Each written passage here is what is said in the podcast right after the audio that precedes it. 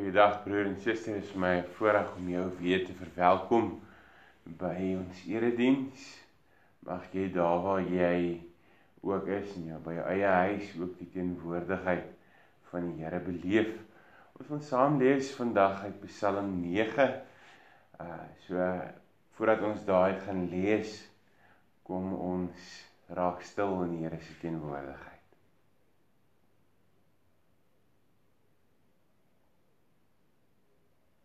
Here, jy sê op die regte tyd sal ek jou gebede verhoor.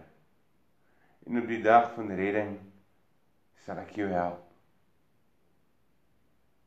Dankie Here dat ons op U kan vertrou. Dat ons ook U kan vra Here om U teenwoordig te wees. Dat ons ook kan vra Here dat U in hierdie tyd wat vir ons onseker is, Here u leiding sal gee. Dankie Here dat u ons ook groet met die woorde genade, barmhartigheid en vrede. Ons kom vra Here dat u ook daar waar ons saam lees, die woord vir ons sal breek. Ons kom vra dit in u naam. Amen. So wat ek gesê het, ons lees saam uit Psalm 9 vir die koorleier op die wysie by die dood van die seun 'n Psalm van Dawid.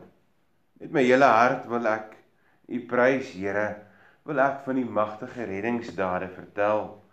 Oor U wil ek my verbly en vrolik wees. U naam wil ek besing, o Allerhoogste. Toe U verskyn het, het my vyande gevlug, hulle het gestruikel en omgekom die u op die troon gaan sit het as u betroubare regter het u aan my reg laat geskied u het die nasies met vernietiging gedreig die skuldiges laat omkom hulle naam vir altyd uitgewis. Dit is klaar met die vyande daar bly net pynhope oor u het hulle steë verwoes verwoes. Niemand dink meer eers aan hulle nie Die Here is altyd op sy troon.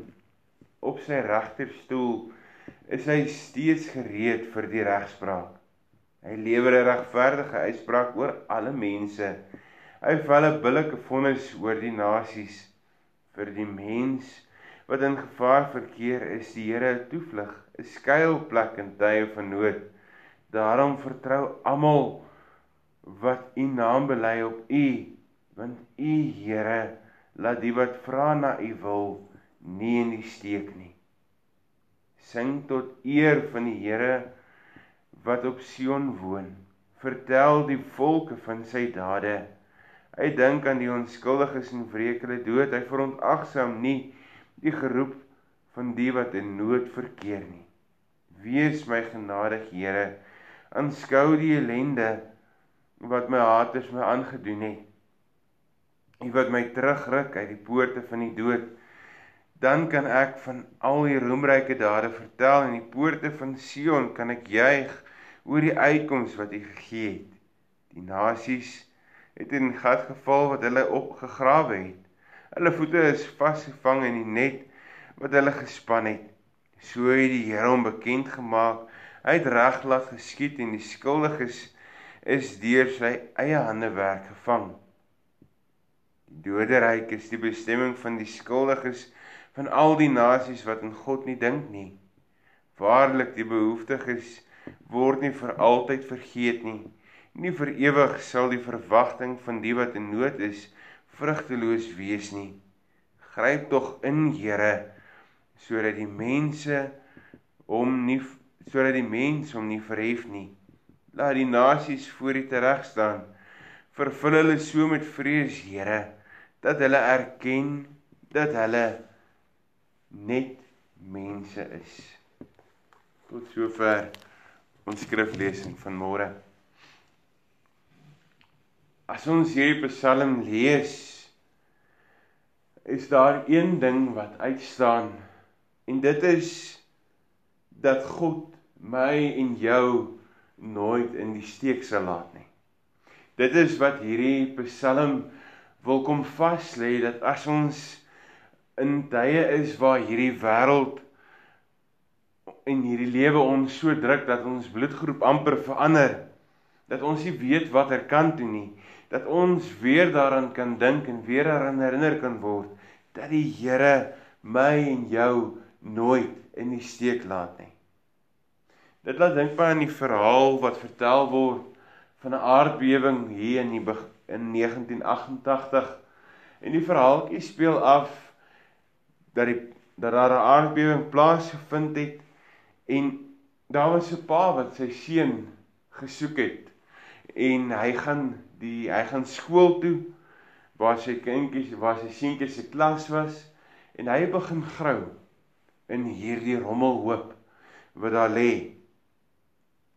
En so 38 uur later is hierdie pa op die punt van om om op te gee maar maar hy bly gedryf word deur die belofte wat hy sy seun gemaak het gemaak het dat maak nie saak wat nie ek sal altyd daar vir jou wees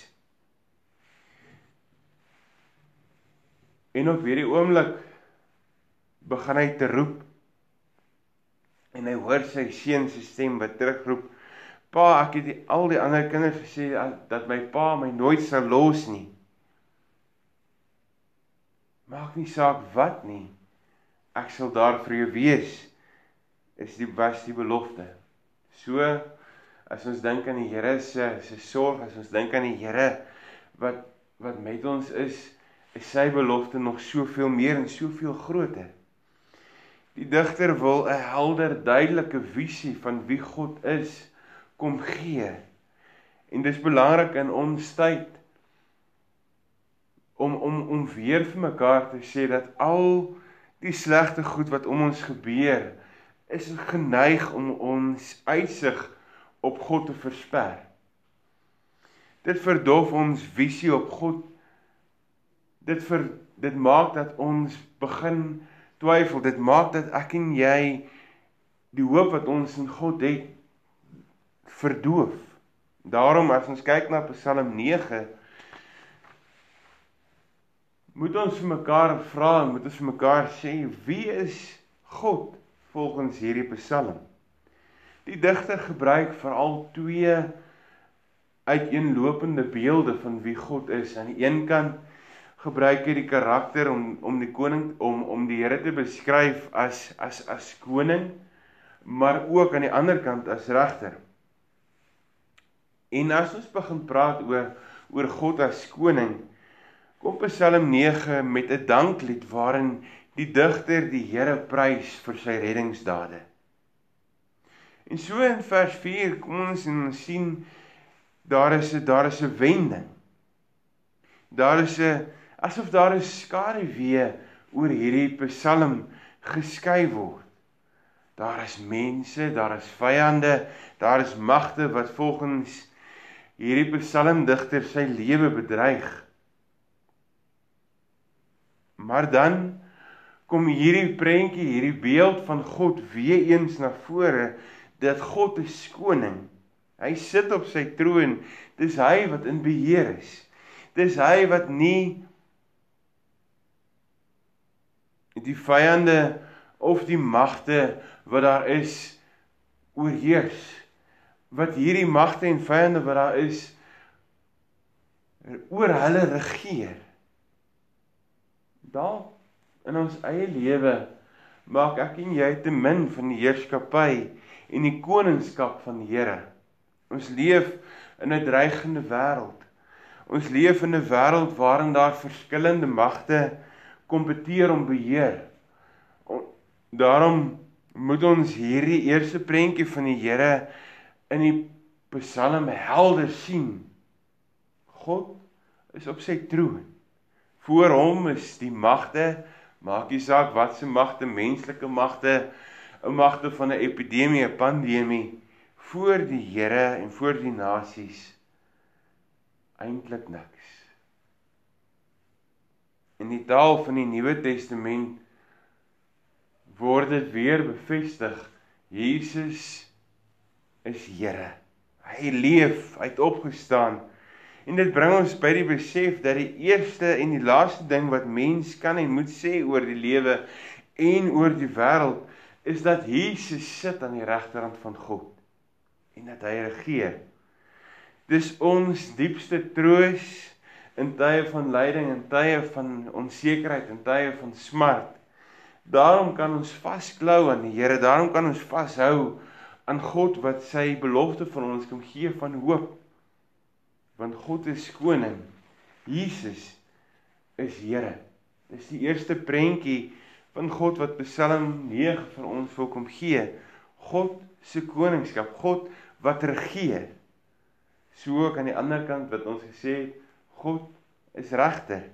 Die Psalm het verskeie emosies. Emosies van dank, emosies van lof, emosies van vreugde.